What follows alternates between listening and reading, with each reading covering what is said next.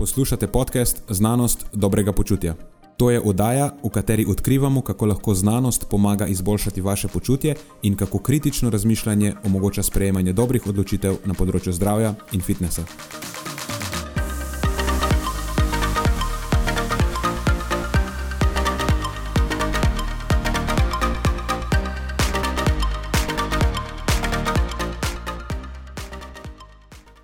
Preden začnemo, pa se moram zahvaliti še našim sponzorjem. Zaenkrat to še vedno ni velika korporacija, temveč zvesti poslušalci, ki nam izkazujete zaupanje in podporo s prijavo v našo člansko skupino Znanost dobrega počutja. Hvala vsem, ki s tem držite luči prižgane in omogočate podkastu, da raste in postaja še bolj kakovosten. Hvala tudi vsem, ki nas podpirate s pozitivnimi komentarji in visokimi ocenami, ter s tem, da priporočate podcast svojim znancem in prijateljem. Zdaj pa je končno čas za začetek epizode. Uživajte ob poslušanju.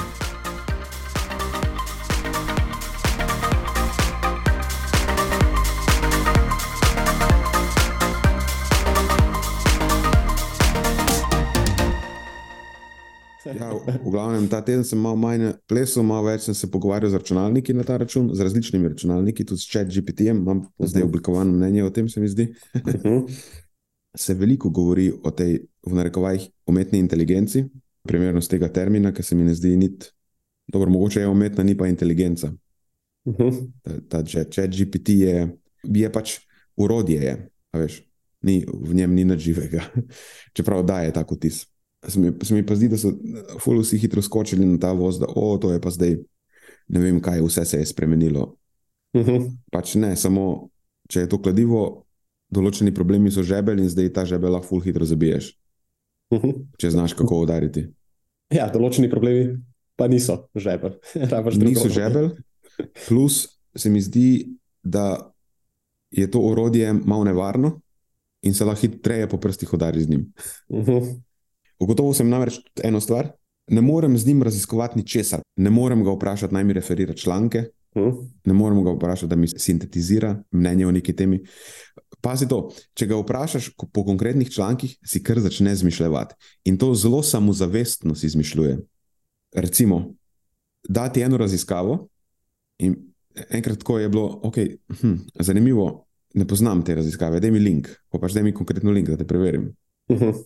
Kliknem na ta link in čist neka X raziskava z nekim drugim naslovom, popolnoma, popolnoma ne povezana s tem. In tako, mu dam nazaj, hej, zmotil si se s tem linkom. Pa mi vrne on, aha, ja, imaš prav, zmotil sem se, se pravi, za napako, tukaj je pravi link. A veš, tako ful samozavestno, tukaj je pravi link.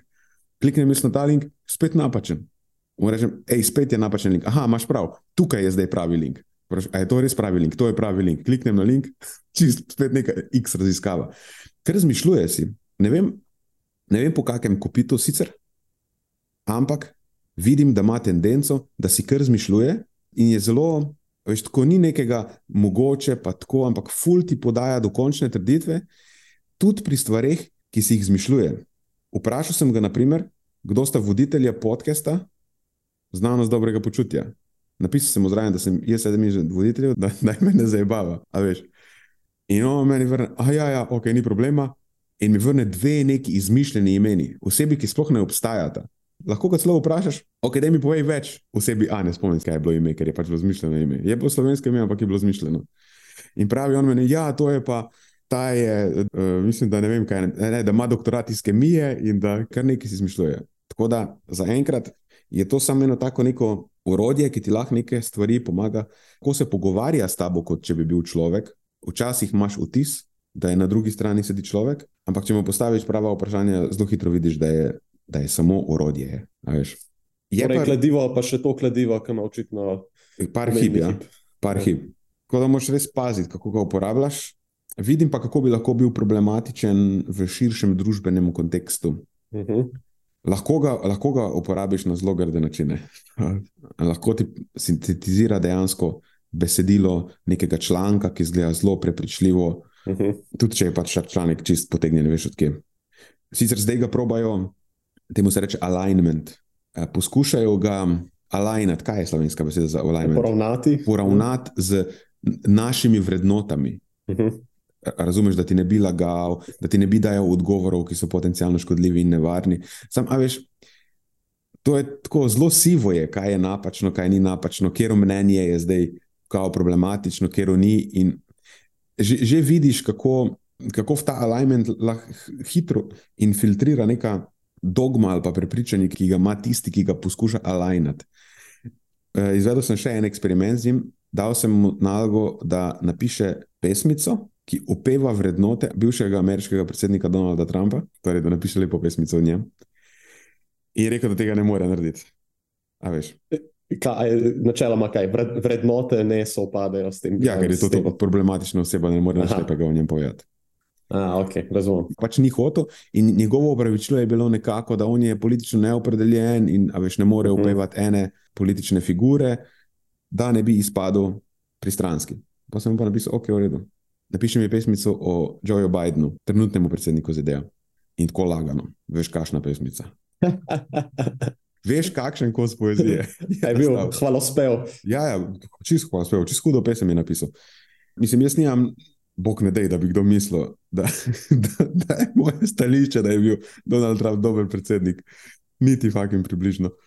Ampak vidiš, kako je to lahko tako zelo spolsko poboče. Ja, samo pač probo sem kot nekdo, ki je čist neopredeljen, ker vidim, da sta oba dva za noč in en in drug bila. En je bil, en je zdaj za noč. Kot nekdo, ki je čist nepristranski tukaj, je tako, ok, pač v enem si, v enem nisi, tvoje upravičilo ni bilo glih prepričljivo. No? Ja, ja, ja. Tvoja pozicija, zakaj v enem lahko in v enem drugem ne moreš, me ni, ni me prepričala. No? E, vem, da pravila glih niso preveč standardizirane. Zdaj, če je o tistem ni želel napisati, hvala speva, o ja. Bidenu pa ja. Tudi vidiš, da je, da je zelo jasno, kdo. kam so ideološko nagnjeni tisti, ki so, ga, ki so ga dali trenirati na določene podatke. Uh, -huh. ali pa glede na to, da prevzema podatke iz, iz interneta, veš, verjetno je tudi česa je več na internetu pomembno. Veš, on si ničesar sam ne izmišljuje, ampak predvideva, uh -huh. to je statističen model, je v bistvu predvideva na podlagi tega, kar smo drugi napisali. Tako da to je v bistvu neko urodje, ki je zelo dober plagiator. To je urodje za. To je urodje, tako kot je eh, kladivo za izbijanje žebljev, pa če bi imel dob, ful dobro kladivo, lahko boljše izbiješ žebelj, zdaj sam lahko ful boljše plagiziraš. Okay. Ja, si predstavljam, da lahko s, to, s, s tem urodjem v bistvu delaš tako zelo dobre seminarske naloge in podobne stvari, ali pa vsaj neko osnovo, da ti pripravi na podlagi tega. Mm. Kar je zaskrbljujoče. Ja, na nek način je. Jaz vidim uh, pluse in minuse v tem lahko ti res pomaga biti pri nekih stvarih zelo učinkovit. Se mi pa zdi, veš, kaj se mi zdi, da se bo zgodilo. Da so rekli, da se bojijo, da nas bodo zdaj ti chatboti nadomestili. Ne, Izje, ne bodo nas nadomestili zaenkrat, vsaj ne te chatboti v taki obliki. Eh, lahko obstaja pa potencijalno nevarnost, da bodo povečali razlike med sposobnimi ljudmi, pa manj sposobnimi ljudmi na nekem področju. Gotovo sem, da če si na nekem področju dober, da obvladaš neko področje, ga lahko s pridom uporabiš in narediš neko stvar boljše. Če pa z nekim področjem nisi dobro seznanjen, potem te pa lahko spelje po napačni poti, te lahko se zaradi njega vrtiš v nekem krogu in ne prideš nikamor. -huh. ne premakne se nikamor. Če si pa, če si pa veš, pol pa ja. In vidim, kako bodo tisti, ki so na nekem področju dobri, bodo zdaj s chatbotom lahko še bolj dobri ali pa vse še bolj učinkoviti. Unike pa niso dobri, pa se bodo samo vrteli v krogu. Ja, veš, in se bodo razlike med dobrimi in slabimi povečale. E, namreč v tem času sem se lotil tudi programiranja, e, ker prej sem ti kazal neko aplikacijo, ki sem jih programiral, e, preden smo začeli snemati. Hotel sem si pomagati s tem chatbotom in nisem si znal pomagati, ker nisem dober programer, ker sem šele začel. Ja, ker nisi več na tem področju. Ja, ampak sem pa na srečo zelo hitro prepoznal, da bo ful boljše, če začnem se učiti osnove jezika, če se začnem učiti nekih ležit virov, dobrih programerjev, da vprašam nekoga, ki je programer, hej, zakaj je to tako, tako pa tako, da provam neko stvar v praksi, tako čist simpel, čist osnove, tako kot bi se pač začel učiti programiranje, če chatbot ne bi obstajal. In potem, ko sem usvojil te neke osnove, ok, potem ga lahko boljše sprašanje spraševal. Tako da, v bistvu, še zmeraj moraš imeti razvite kompetence na nekem področju, da ti je ta stvar uporabna. Ker če ga sprašuješ o nekih stvarih, o katerih nimaš, nimaš pojma, se zelo hitro ujemaš v eno tako grdo past. To mi malo spominja na en pretekli pogovor, ko si se pogovarjala o, o sistemu izobraževanja. Kako je boljše, če že dobiš vnaprej servirane neke stvari, pa jih probaš saj tisto nekaj rudimentalno usvojiti, potem prideš in imaš nek, uh, ja, veš, neka skupna predavanja, in potem dejansko lahko postavljaš dobra vprašanja. Predtem si pa popolnoma bos. čist konkreten primer tega programiranja. Ne?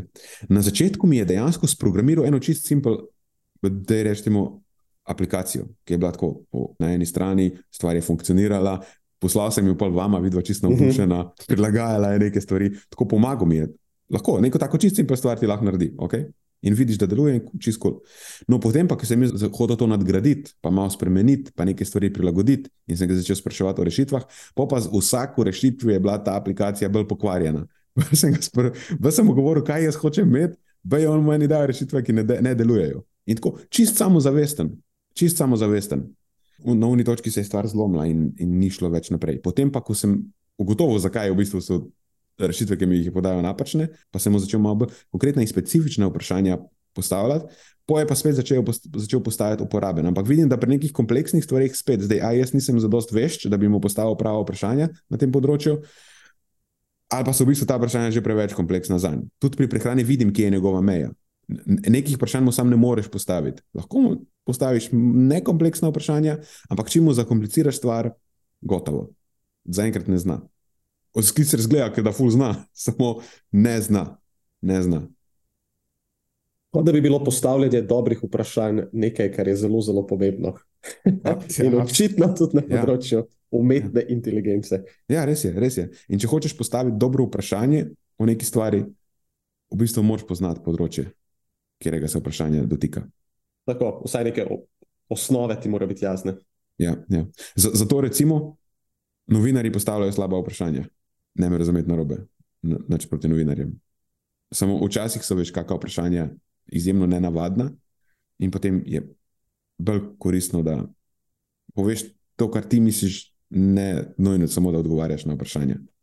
No, v glavnem, če hočeš dobro reprezentirati, podati točna mnenja, korektna mnenja, ne moreš računati, da ti bodo oni postavili pravo vprašanje. Moraš biti pripravljen s tem, kaj so tiste ali ne je, kaj želiš povedati.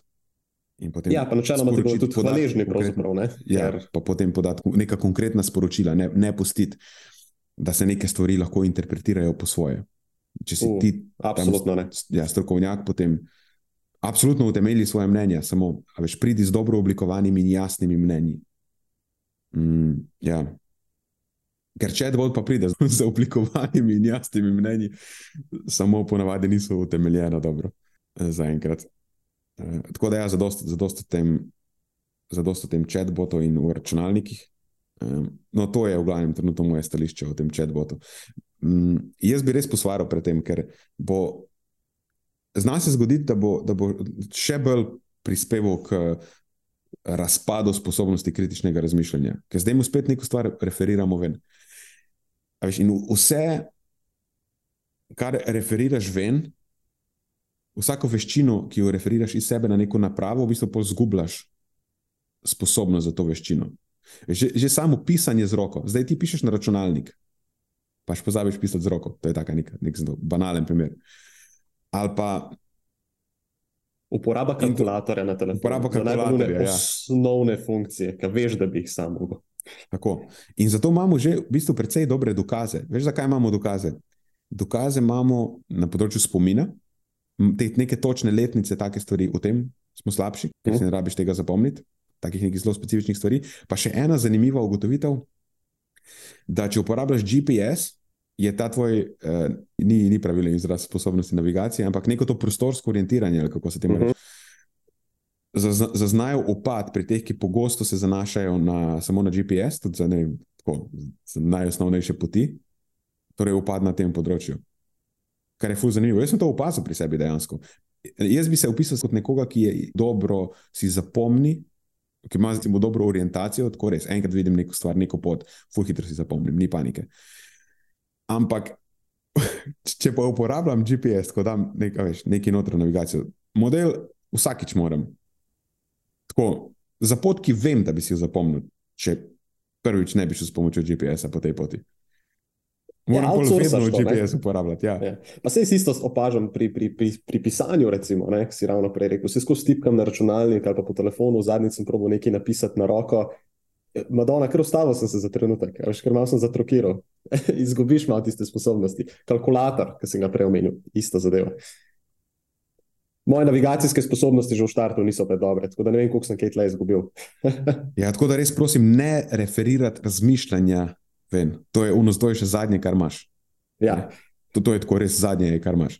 To je, če sta dve lastnosti, ki jo ne, ne smeš referirati vedi sebe, sta to razmišljanje in sposobnost uravnavanja svoj, svojega čustvenega stanja. Torej, tega ne referirati ven. Ne želim živeti v svetu, kjer bo lahko neka naprava na, na mesto mene razmišljala, ali pa kjer bom odvisen od tega, da me da uravnava moje razpoloženje. Uh -huh. To je pol verjetno bom pol zapustil ta svet. Nočem, mm. izstopil bom. Če, če, bomo, ja. če bo kadarkoli tak svet um, obstajal, pol, jaz bom prvi, ki bo izstopil iz tega vlaka. Zdaj, jaz se bom preselil v gost, razumeš? Zihar bo nekaj enklava. Ja, ja hvala, nisi razmišljal, nisi mislil, da o čem drugem razmišljam. Zihar bo obstajala neka enklava, le garantiram ti, da ni, ne razmišljam edini tako. Se bomo pač preselili nekaj in bomo rekli, da je tukaj. Je, uh, tukaj živimo, nekaj razmišljamo in sami nadzorujemo svoje čustva. Čeprav zdaj v slednjem se že malo sprašujem, ne? ker včasih potrebuješ pomoč nekih zdravil. Hm, mislim, da bi lahko to malo bolj razmislil o tem. Ampak dobro. Okay, boš razmislil, da naslednjič o tem postapokaliptičnem razmišljanju. Razmišljanje, rečemo razmišljanje. Tukaj živimo tisti, ki razmišljanja ne referiramo ven. Okay? A to bo pripis pred uh, vstopom v to mesto? Ja.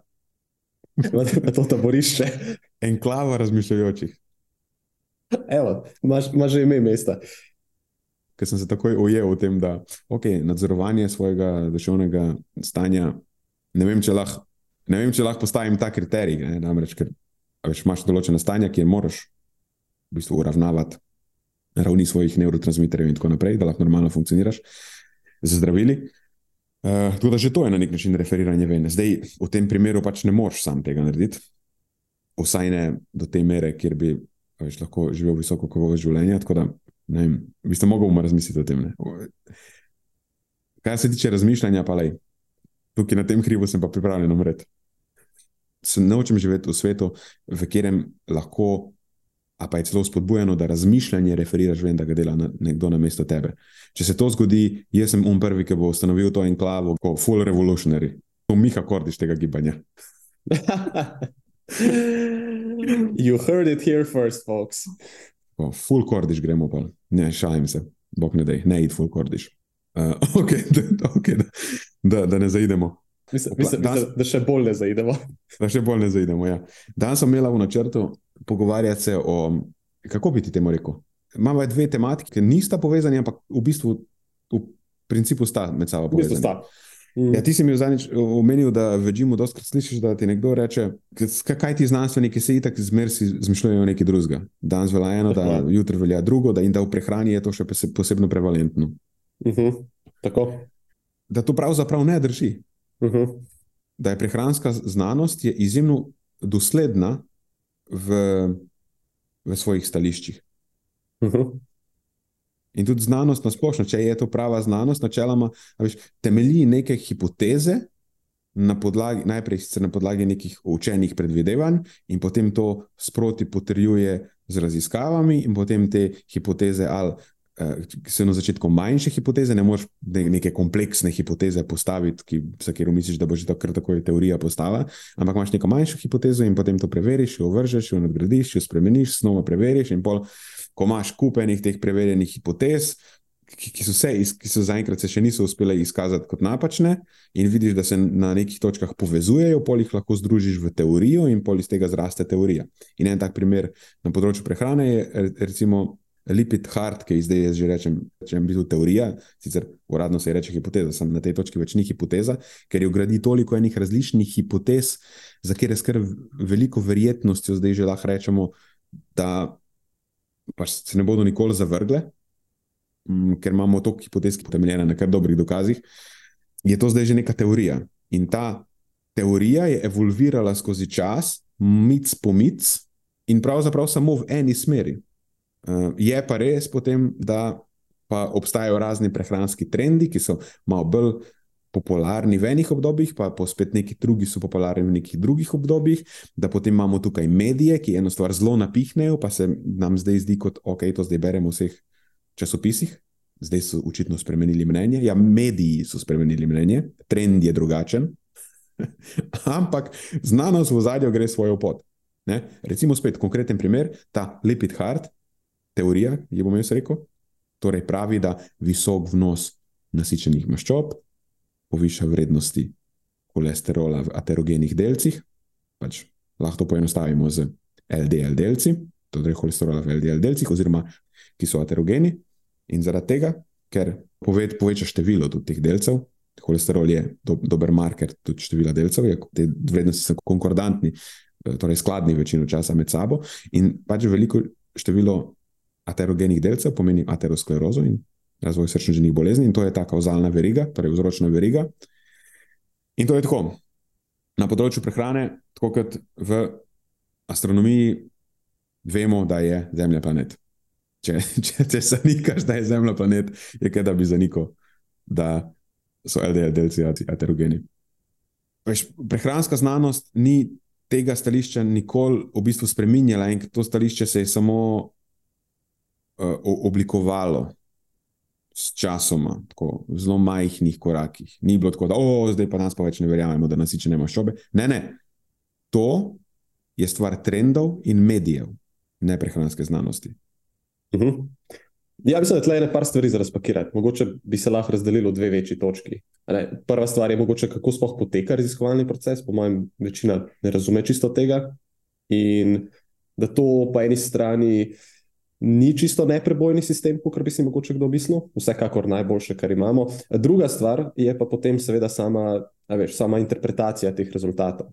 Uh, predvsem strani določenih uh, medijev, in podobno, in potem dobiš ti slažen občutek nasprotujočih si informacij. Uh, Sveda niso tle samo mediji krivi, tudi določeni influencerji, uh, recimo Andrew Huberman, naj, najljubši podcaster. Uh, Uh, tako da, ne vem, lahko se to stvar razpakira iz obeh različnih koncev. Mislim, da bi bilo to kar zanimivo. Ja, zdaj, ki si omenil Hubermana, ne? on je kao znanstvenik. Rekel, kako pa znanost? Mm, tako, točno to je. Če pa on je znanstvenik. Jaz ne maram jim reči znanstvenik, to so on je raziskovalec, on ni znanstvenik. Ja? Lahko ločiš te dve zadevi. Znanstvenik, oseba, ki razmišlja znanstveno, je lahko nekdo z ulice, lahko je klošar, če razmišlja na znanstven način. Če v svojem razmišljanju uporablja ta evidence-based pristop. Potem ne rabiš nekih zelo sofisticiranih metod in laboratorijev, da ti iz, lahko izvajaš neko bazično znanost, samo pa neko, nekaj, kar spominja na znanost. Samo moraš vedeti, kaj so tvoje omejitve, in potem na podlagi dokazov oblikuješ lahko neka svoja stališča. In veš, kako samozavesten si lahko, da ta stališča so točen odraz resničnosti vesolja, na, na podlagi tega, kako natančne so bile tvoje metode, torej, ne, kakšna je bila tvoja metodologija, ki si jo uporabil. Zdaj v laboratorijih in z raziskavami, in tako naprej, lahko neke stvari bolj zagotovo ugotoviš, lahko neke stvari trdiš z večjo gotovostjo, če tega nimaš. Ampak to, da ti delaš v laboratoriju, da si raziskovalec, še ne pomeni, da si znanstvenik nujno. Uh mhm. -huh. Ja, pomembna razlika. Po zelo pomembna razlika. Lahko delaš v laboratoriju, izvajaš raziskave, ampak si v bistvu gimp. Imáš neko predobstoječe prepričanje, ki ga boš zdaj na vsak način dokazal, uporabil boš tako metodologijo, ki bo izvečala, povečala verjetnost, da potrdi tvoje pristranskosti. Da, se veš, lahko tudi zlorabiš pol razne statistične metode za ta, ta namen. In tukaj zlorabiš je ključna beseda. Ni tako, da uh mhm. -huh. ja, se statistika lahko pokaže karkoli. Ne, ne. Pravilno uporabljena statistika Ne, ne more pokazati, če more pokazati česar koli. Ja, ja. Lahko pa ti zlorabiš neko orodje, statistika je tukaj orodje. Tako lahko kladivo zlorabiš. Jaz ga lahko mhm. uporabim za to, da žeble zabijam, lahko pa tebe po glavi udarim.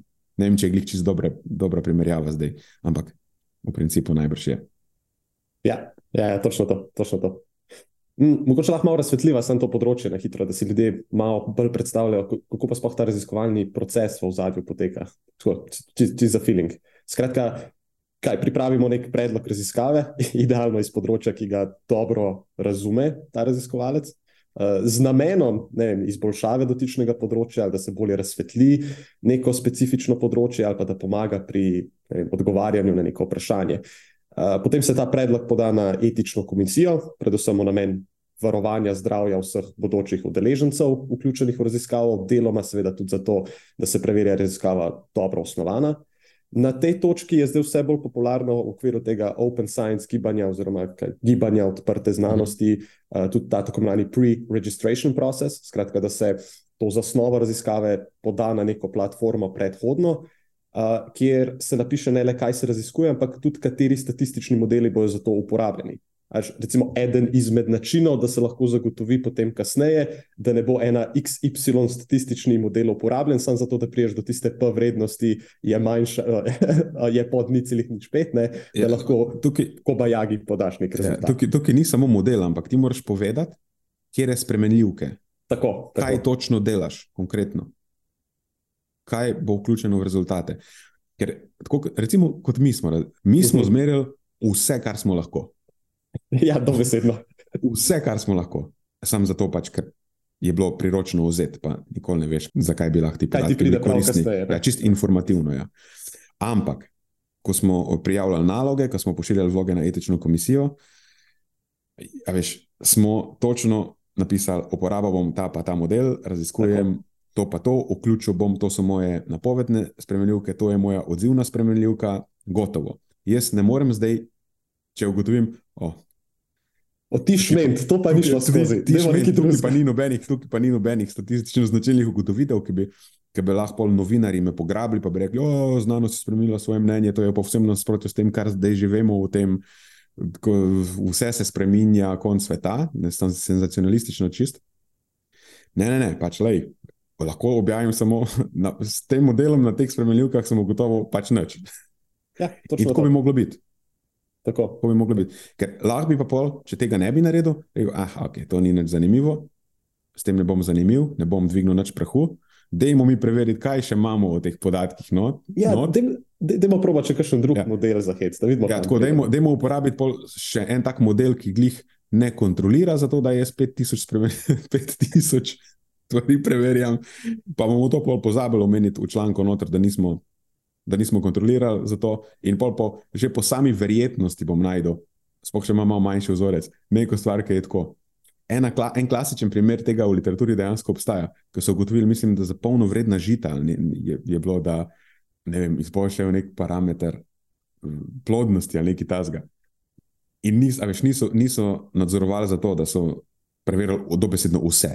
Tako je v, v njihovi raziskavi vem, ni glih stotine, ampak desetine. En kup, en kup ja, en različnih stvari so preverjali. Ja.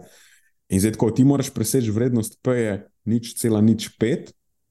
Jaz, če preverim po sami verjetnosti, je tako. Če jaz preverjam sto stvari, ne, uh, za, za pet od teh pričakujem, da bo, če po sami verjetnosti bodo uh, z nekim manjšim vzorcem lahko bo, bo to statistično začelo ugotoviti. Ker to tako ni visoka stopnička za preskočiti. Uh mhm. -huh.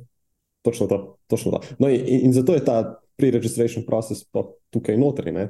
Eh, z, z namenom nekega bolj eh, ne, zagotavljanja neke etičnosti in podobno. Skratka, potem nadaljni koraki. Nabereš ljudi, potrebne za raziskavo, eh, v praksi zelo težek korak. Izvedeš eksperimentalni del, prav tako izjemno težek korak v praksi. Statistično obdelaš podatke in to na primeren način, tako kot je bilo prej podano, napišeš raziskavo in potem jo seveda oddaš v nek journal, neko znanstveno revijo in tam se potem začne še ta peer review proces, oziroma proces pregleda članka strani drugih raziskovalcev tega dotičnega področja. Mogoče malo razloživa o tem peer review procesu. Mislim, ne, jaz bi eno, eno stopničko še prej. Uh mhm. -huh. Izbereš ustrezno metodo. Vse te metode temeljijo na nekih predpostavkah. Za določene podatke lahko uporabiš določen test. In lahko se tudi tukaj igraš. Mhm. Lahko uporabiš nek test, pač, ki ti pač da statistične značilne vrednosti, pač samo zato, ker si ga uporabil na podatkih, kjer ti tvoji podatki ne izpolnjujejo predpostavk, ki jih ta tvoj model zahteva. Zdaj, če nekdo ne razume, pač laj, ti si to P vrednost je prišla ven taka. Uh mhm. -huh. Ampak na, uporabil si napačen model. Torej, s tem kladivom si udaril nekoga po glavi, nisi zabil žeblja. Ja, in si zabil žeblja, udaril si po prstih po glavi. Tako. In moraš res znati utemeljiti, zakaj si uporabil ta model. Moraš biti Pač mo, Seveda, suveren moraš biti. Ne? Ja, spet je vsak model je urodje za določeno nalogo. In no, pa pridemo do peer reviewa. Mm -hmm.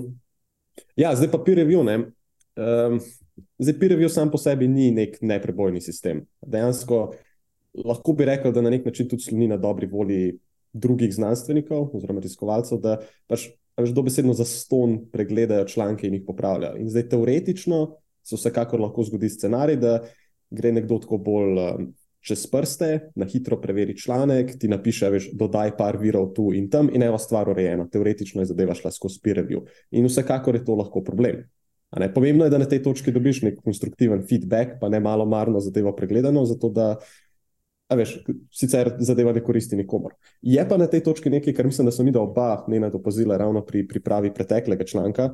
Uh, in to je, kako zelo pomembno je, kako pristopaš kot raziskovalna skupina ne, pri pripravi same vsebine. Uh, pomembno je, da imaš dobro raziskovalno skupino, ki se veš, dopolnjuje med, sebo, med seboj, ima, ima neke čiste namene, že v osnovi se pripravi članek, ki je kvaliteten na vseh naslovih, metodološko in podobno. Um, zdaj, bolje kot poteka ta del, predvidevam, da ima potem manj dela peer review in manjša vrednost, da na koncu pride ven neka problematična vsebina. Ker tudi, če peer review v končni fazi ni bil izveden perfektno, je to potem pač manj problematično v končni fazi. Uh, ampak ja, je, je sistem, kakršen je, lahko bi bil boljši, se strinjamo, ampak uh, tako pač je, kakšna stvar lahko uide ven iz. Um, da se kakšna stvar lahko pronica ven. Je pa tako, no, znanost je samo popravljajoča skozi čas. Veš, tudi v primeru, če pride ven nek čuden prispevek, kar se nažalost tu pa tam zgodi, uh, je to potem načeloma skozi čas pretehtano strani teže dokazov večine drugih raziskav, ki so pač bolje pripravljeni. Edini velik problem na tem naslovu je potem, ko pride taka zadeva ven v etru, je pač zunaj in jo lahko pograbijo mediji, lahko jo pograbi kakšen kobajagi komunikator znanosti, ponovno Andrew Huberman in potem to predstavi kot dokaz za svoj prav, oziroma za neko svojo agendo. Uh, in na tej točki bi bil lahko potem prehod na to drugo točko, torej interpretacija samih raziskav ne? in kako se jih potem predstavi zunanjemu, ja. lajčnemu svetu. Ja, to zdaj ima druga tematika za danes, en konkreten primer tega. Jaz bi samo pri tem dodal še, da Zato ni vse, kar je kao znanstven, peer-reviewen članek, torej strokovno pregledan članek, objavljen v neki znanstveni reviji, to še ni dober dokaz.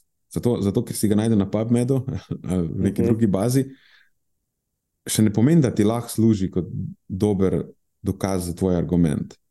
Ker pomembno je oceniti, kakšna je verjetnost, da je bil dobro strokovno pregledan, da to, kar piše za res drži, da so uporabljene prave metode.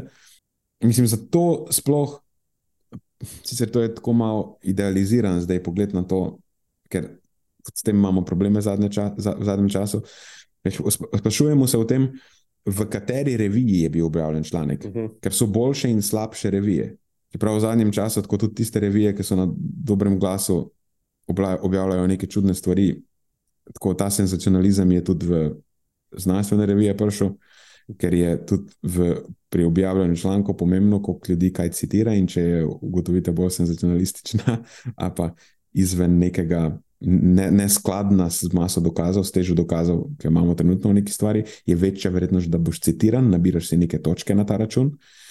Tako da tudi na tem področju bi lahko še stvari popravili, ampak načeloma, a veš, vemo, kje znanstvene revije so boljše in kjer je slabše, kjer je večja verjetnost bolj rigoroznega strokovnega pregleda. In ocenjuješ raziskavo tudi v tej luči. Potem. Mhm. Kup enih stvari je zapaziti, kompleksen ja, proces je. Nitko, um, nikoli nisi zelo prepričan o nečem, vedno obstaja, ok, kaj pa če, in pol referiraš na neke druge stvari, preveriš, kaj tam pravijo, preveriš, kaj tam pravijo, in si oblikuješ neko celostno sliko o tej stvari. Ampak zato moraš imeti dobro poznavanje področja. Veš, moraš vedeti, kaj je bilo do zdaj objavljeno, kaj je bilo objavljeno, kje, kaj so pomanjkljivosti nekih stvari, kaj so pomanjkljivosti drugih stvari. In pol pač tako probaš ja. oblikovati neko sliko, nek, nek mo, mo, svoj model videnja tega, za katerega predvidevaš, da je kar se da točen odraz objektivne resničnosti vesolja. Tako, dobro povedano. Uh, ja, prehranska znanost, kot vsaka druga znanost, ima svoje specifike, ki jih moraš razumeti, ko zadevo bereš in interpretiraš. Ni dovolj, da odpreš en članek, tudi če je šel čez peer review proces, uh, površno prebereš abstrakt tega članka in, in je to to. In potem ja. daješ v neke dokončnike. Ih, ja. ne deluje ta start. Uh, ja, in to en tak primer tega, kako, kako to gre po zlu, je bil ta The Ice Cream Conspiracy. A si si mhm. uspel prebrati kaj o tem? Uh, tokrat sem pa jaz bolj abstrakt tega prebral. Sem, sem bil prepričan, da bo naš ice cream model to, to bolje obdelal. Ja, Dej mu reči, da je zdaj ta tematika, to je nekako otvoritev uh, nove sezone, da je sladoled dajeta. Uh mhm. -huh. Jaz sem jo pridno otvoril prejšnji teden. Jaz tudi. Torej, zdaj, ko bo sladoled eh, spet dobil večjo vlogo v naši prehrani, ko zunaj so temperature više. V glavnem, da se vrnem, preden zaidem. The Ice Cream Conspiracy. Zadeva je taka, v, pa tako to je precej ugledna revija, se mi zdi, ni znanstvena revija, pač skok je neko delo pri nas, recimo The Atlantic, na drugi strani oceana eh, v ZDA. The Atlantic je objavil članek z naslovom Nutrition Science's Most Preposterous Results. Studies show a mysterious health benefit of ice cream, and scientists don't want to talk about it. Torej, če to zdaj prevedem, kaj je pre, prepoščenost, je tako najbolj, uh, kaj bi bil slovenski prevod te besede. Ful zanimivo, kako vem, kaj beseda pomeni v angleščini, ampak ne znam preveč slovenščino. Absurdno ali pa zelo smešno je slovenski prevod, ni glih čistočen, ampak ja, recimo najbolj, najbolj absurden rezultat prehranske znanosti. Raziskave kažejo, misterijes je sicer skrivnostno, ampak misteriozno, ja, spet ni dobrega slovenskega prevoda. Skrivnostno. Ja. E, raziskave kažejo skrivnosten, koristen učinek sladoleda na zdravje, in znanstveniki o tem nočejo govoriti. To je zdaj nekako prevod, to je zdaj prevod naslova in podnaslova. David Merritt Jones, ki je drugačen, kar znan novinar, je avtor tega članka. Uh, in tako, Zgodba, je, spet, zgodba gre tako, da osrednja zvezda tega članka je ena doktorska naloga, ki jo je novinar izbrskal iz leta 2018, ki je ugotovila, da so imeli ljudje z diabetesom tipa 2 pri višjem vnosu sladoleda nižje tveganje za srčno-žilne bolezni. Mislim, da več kot uh, dve porciji na teden sta bili povezani z tako zelo signifikantno nižjim tveganjem. Dvomestna številka je bila, ne spomnim se več koliko torej dvomestni odstotki so bili. In zdaj, avtor pol, njemu se je to zdelo zelo zanimivo, o, kako to sladoled povezan z nižjim tveganjem. In potem je on šel pozanimati se k znanstvenikom, prehranskim znanstvenikom, in zdaj on nekako namiguje, da noben ni hotel o tem govoriti, da mu ni hotel noben tega pojasniti. Tako znanstveniki nimajo odgovora na to. On je šel poprašati in rekli so mu, da je s to raziskavo v tej nalogi ni nič narobe, ampak ne, ne, da mu se kao ne pogovarjati o tem, zakaj je to tako. ampak, pol, če greš malo bolj v droboje te zgodbe, je tako, ne, niso, niso ti rekli, mu se ne pogovarjati o tem, sam rekli so ti, da v tem konkretnem primeru nimajo dobrega pojasnila, ker ga res nimajo.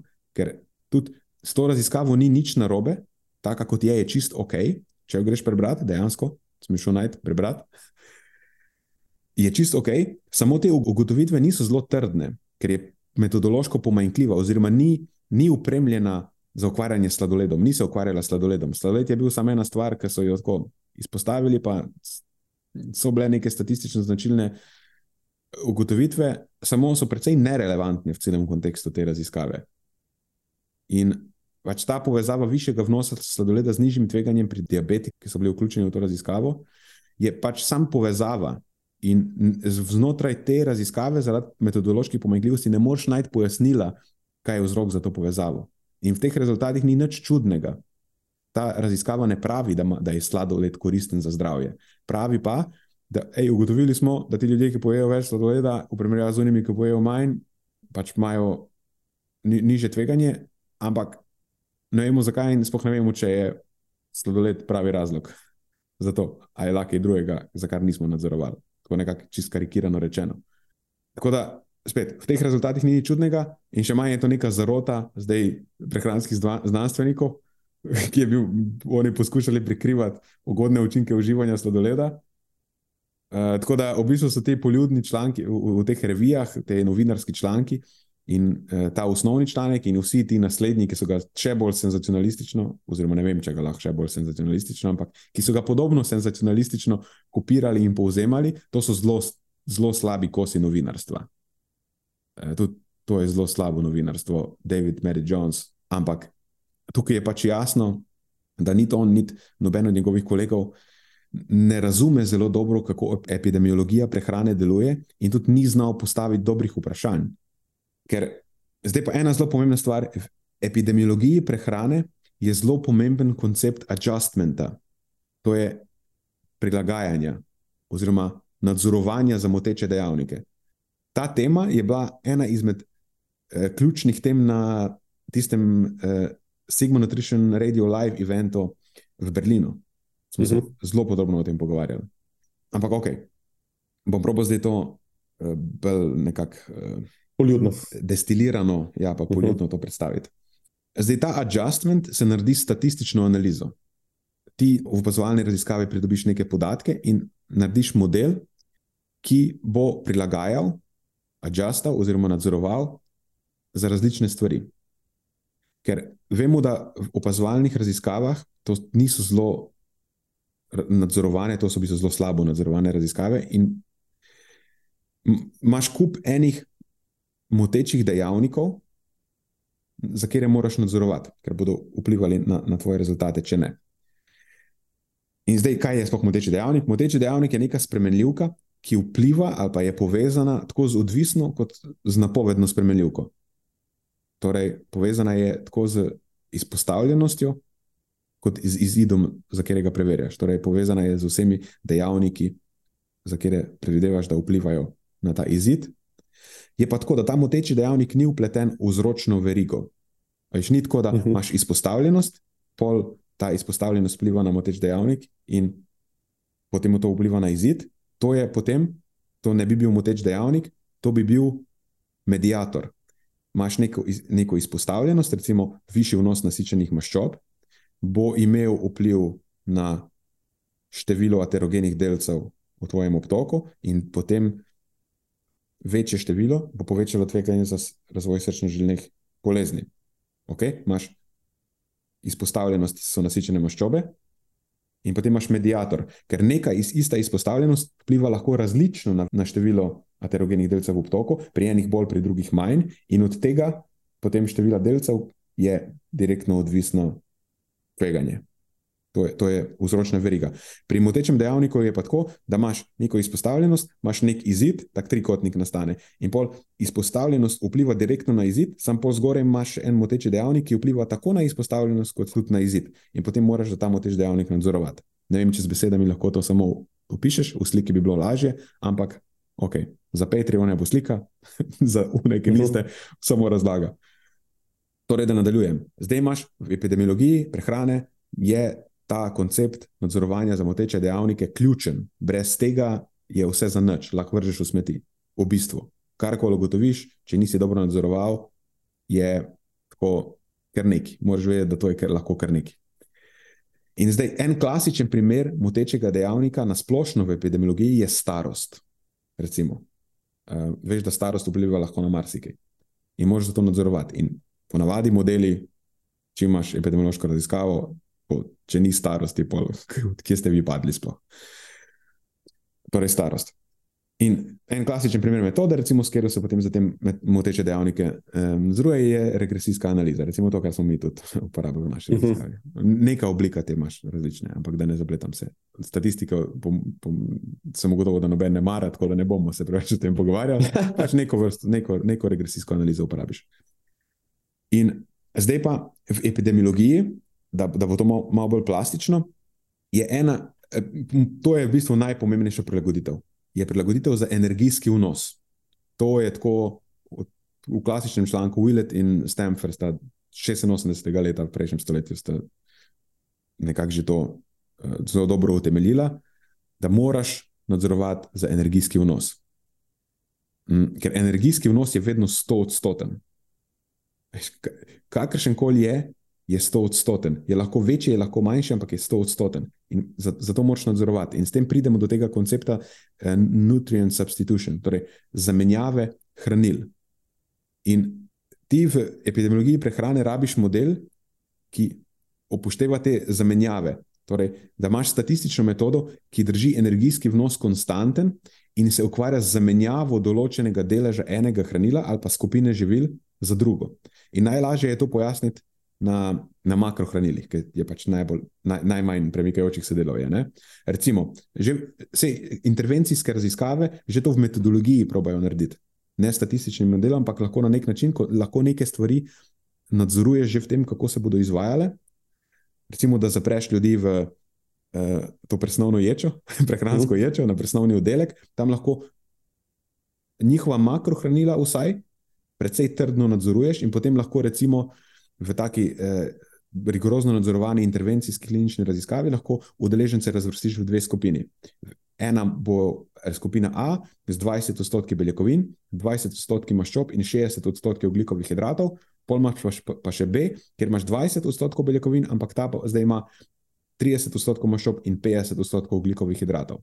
Torej, višji vnos maščob in nižji vnos oglikovih hidratov ima ta druga skupina. In ti nekaj ugotoviš, in potem se vprašaš, okay, kaj je zdaj učinek tukaj?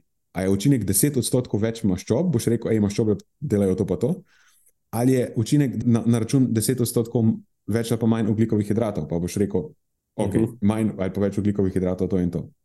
V bistvu nič od tega ni, nisi postavil sploh dobrega vprašanja. Pravo vprašanje tukaj je, kakš, kakšen je učinek, če zamenjaš 10 odstotkov maščob za 10 odstotkov oglikovih hidratov. Ker učinek bi bil čist drugačen, če bi ti zamenjal 10 odstotkov oglikovih hidratov ali pa maščob za beljakovine. Uh mhm. -huh. Čist drugo vprašanje. In konceptualno se poskuša isto narediti v epidemiologiji, kjer to ne moreš že v sami izvedbi narediti se potem to poskuša narediti z modelom, ki upošteva zamenjave. In spet, najlažje je to pokazati pri makrohranilih. Klasičen primer tega je raziskava Lija in sodelavcev 2015, uh, eh, The Nurses Health and Health Professional Study. In no, tam so pokazali, da je učinek spremembe deleža nasičenih maščobnih kislin na srčno-žilno zdravje odvisen od zamenjave. Če zamenjaš 5 odstotkov nasičenih maščob za večkrat nenasičene maščobne kisline, je 25 odstotkov nižje tveganje za srčno-žilne bolezni. Če zamenjaš 5 odstotkov nasičenih maščob za enkrat nenasičene maščobne kisline, je 15 odstotkov nižje tveganje. Če zamenjaš 5 odstotkov nasičenih maščobnih kislin za polnovredne oglikove hidrate, je 10 odstotkov nižje tveganje. Če pa zamenjaš 5 odstotkov nasičenih maščob za dodane sladkorje, a pa rafiniran škrob, pa ni statistično značilne razlike. Tako da je zelo pomembno vprašanje, če znižaš vnos nasičenih maščob v prehrani, s čim jih zamenjaš? In v bistvu za vsako makrohranilo je isto vprašanje. Če znižam delež, tudi če znižam absolutno količino, se bo vplivalo na moj delež, ampak zato se pogovarjamo o deležih, ker je skupen vnos vedno 100 odstoten. Če znižam vnos beljakovin, če znižam vnos ugljikovih hidratov, te ali pa une vrste ugljikovih hidratov, te ali pa une vrste beljakovin, živalskih, rastlinskih, tudi to so razlike je vedno vprašanje, s čim si to nadomestil, ker bo učinek drugačen. Ampak zdaj to so makrohranila in tukaj je stvar še dokaj preprosta. Ko pa priješ do skupin živil, pa, pa moraš pošiljati, ali to so zdaj skupine, različne skupine živil. Moraš se vprašati, kak, s kakšno resolucijo boš to pregledoval. In zdaj pridemo do sladoleda. Če ti poješ večji delež sladoleda, poješ manjši delež nečesa drugega, ne? Ne, ne samo ni sladoled zamenjava za eno stvar, lahko je zamenjava za karkoli. In zdaj to je vprašanje, na katerega ta doktorska naloga nima odgovora. Za sladoled niso naredili nobene analize za zamenjavo. Um, so pa recimo naredili, in to bi v bistvu, če bi ta novinar vedel, kaj, na kaj mora biti pozoren, delno lahko v bistvu odgovorilo na njegovo vprašanje. Ker naredili so recimo Eh, model za zamenjavo za mlečne izdelke in imajo tri statistične značilne ugotovitve. Zamenjava ene porcije mlečnih izdelkov na dan, kamor v bistvu mlečne, mlečne izdelke spada tudi sladoled. Torej, zamenjava ene porcije mlečnih izdelkov na dan za eno porcijo rdečega mesa je bila povezana s 6 odstotkov višjim tveganjem, če so zamenjali za procesirano rdeče meso s 13 odstotkov višjim tveganjem, in če so zamenjali za oreške z 12 odstotkov nižjim tveganjem. Okay? In potem so naredili še model za zamenjavo za mlečne maščobe. In zamenjava enega odstotka mlečnih maščob za omega-6 večkrat nenasičene maščobne kisline, torej, je bila povezana s 3 odstotkov nižjim tveganjem. Če pa so zamenjali 5 odstotkov mlečnih maščob za maščobe živalskega izvora, to je, to je other animal fat, je bilo pa 8 odstotkov više tveganje. In zdaj, ni da, veš, ni, da je sladoled zdrav za diabetike, kot ta članek namiguje. Pa da kao noben noče govoriti o tem, pa te znanstveniki pometajo to pod preprogo. Ampak Pač to je bila pač ena raziskava, kjer se je višji vnos sladoleda zaradi nekega razloga, ne vemo zakaj, pokazal kot ugoden. Ampak zaradi metodoloških pomanjkljivosti iz te raziskave ne moreš z veliko gotovostjo razbrati, zakaj in kako se je tako pokazalo. Ker, a veš, mogoče so ti ljudje, ki so pojedli več sladoleda v, tej, v tem vzorcu, zaradi tega pojedli manj procesiranega rdečega mesa ali pa so zaradi tega, ker so jedli več sladoleda, tudi jedli več oreščkov zraven. Pa, vem, so jedli 100% pistacijo sladoled, nimam pojma.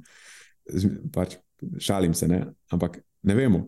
Pač, mogoče so zato, ker so pojedli več sladoleda, pojedli manj ostalih maščob živalskega izvora ali pa manj drugih eh, maščob z višjim deležem nasičenih maščobnih kislin, recimo manj kokosovega olja.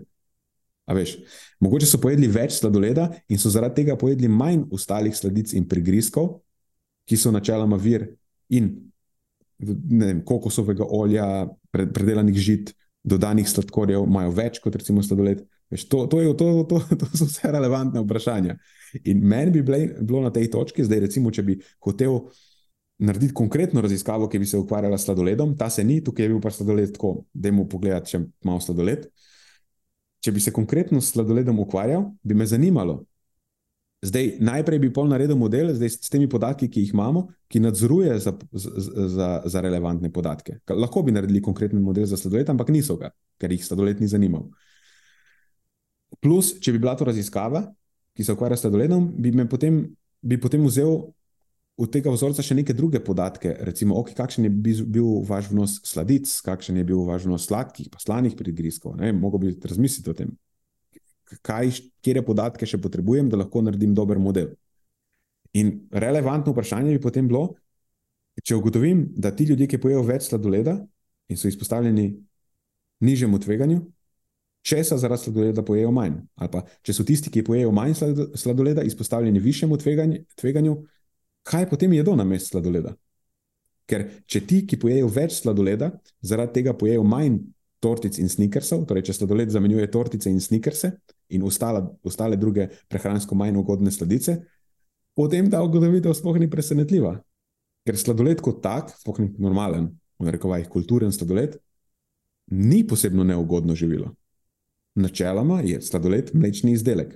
Sicer ima nekaj dodanega sladkorja, višji delež maščob, v primerjavi z, recimo, z manj mastnimi mlečnimi izdelki. Ampak to je v bistvu to. To je nek zamrznjen sladki jogurt, ki ima malo mal smetane, smetane povrhu. In če upoštevamo vse, kar vemo o mlečnih izdelkih in e, mlečnih maščobah, da verjetno zaradi prehranske matrike maščobe iz mleka nimajo neugodnega učinka na dejavnike srčno-žilnega tveganja, in da so mlečni izdelki kot taki, tudi polnomastni mlečni izdelki, načeloma povezani z ugodnejšimi zdravstvenimi izidi, potem dejansko lahko sladoled uvrstimo kot eno izmed prehransko ugodnejših izbir med slaščicami. Zdaj, ampak, tukaj s tem bomo zaključili, tudi to je en velik ampak. To velja za pravi sladoled, v narekovajih pravi sladoled. To je sladoled iz mleka, a pa smetane, in pa verjetno velja lahko tudi za sladolede, ki so po, uh, neki ponaredki, ki so na osnovi ureščkov in sadja. Torej za sladolede, ki nimajo dodanih ekstra nasičenih maščob iz olj, pa ki niso preveč dekadentni na druge načine. Uh mhm. -huh. Ker razni, recimo, neki veganski sladoledi, ali pa oni strašno dekadentni sladoledi, ali pa neki ponaredki sladoleda, lahko vsebujejo sestavine, ali pa konkretno so na bazi kokosovega olja, so neka čist druga zgodba. In spet, če bi delal tako raziskavo, bi me zanimala ta razlika. Zdaj, kakšno vrsto sladoleda vi jeste? Ker sladoled ni sladoled. Ali jeste sladoled, ki je na mlečni bazi, oziroma ima manj nasičenih maščob, ker je na bazi oreščkov, ali pa so to neki sladoledi, ki imajo dodana kokosova olja. Spet, mogo bi ukategorizirati nekako te stvari. Tako da, to je v bistvu to. Če bi jaz pisal ta članek, bi ga napisal tako. Ja, če bi bilo to osnovno vprašanje. Ne? Ja, nič posebnega. V bistvu, ta ugotovitev, da je bil sladoled tukaj povezan z nižjim tveganjem, v bistvu ni nič posebnega, nič nepresenetljivega, nič nepojasnljivega um, in nikakor ni nobena zarota, ki bi bila vredna zgodbe. Škoda, da novinar ni tebe kontaktiral, sem da bi lahko te stvari predstavil. Komu tleh novinar? Zelo elegantni luči. Jaz sem tukaj. Veste, kje me najdete, verjamem. Veste, kje me najdete. No, ampak, gledaj, to je bil tudi super primer um, razlage točno tega, o čemer smo se prej pogovarjali. Uh, kako prehranska znanost je zelo zahtevna. In epidemiološka znanost znotraj tega ima pa sploh mnogo svojih specifik. In ogromno jih je potrebno razumeti, če hočeš take stvari interpretirati. Sicer delaš ogromno ene škode lahko. Ja, a veš, lahko spet, lahko napišeš tak senzacionalističen članek. In nekdo ti bo verjel, ker si sicer mogoče dober raziskovalni novinar, ampak tukaj si pa opravil slabo nalogo. Mm -hmm. In mislim, da je to to, no, kar sem imel za danes. Ja, to je to. Mislim, da smo prišli skozi. Uh, jaz sem tudi vesel, da nisem fasil epileptičnega napada tekom teh, tega podcasta, ker ne na do konstantno sliko nekaj spremenja. Uh, ja, lej, podprite nas na Patreonu. pa dobimo novo kamero. ja, prispevki iz Patreona gredo v nabavo nove opreme in uh, pač vsega ostalega, kar podpira ta podcast. Tako da v bistvu je ta denar sproti porabljen za, za, tehnične, za tehnične stvari. Tako da, po mojem, je to to. To je to.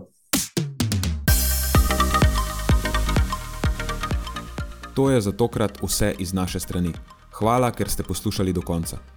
Delite epizodo s svojimi znanci in prijatelji in jo priporočajte dalje, saj s tem omogočite, da sporočilo znanost dobrega počutja doseže čim večjo množico. Hvala vsem, ki nas podpirate s članarino in tudi vsem ostalim, ki delite podcast dalje in nam izkazujete naklonjenost z visokimi ocenami in pozitivnimi komentarji. Se slišimo prihodnjič, do takrat pa ostanite premišljeni.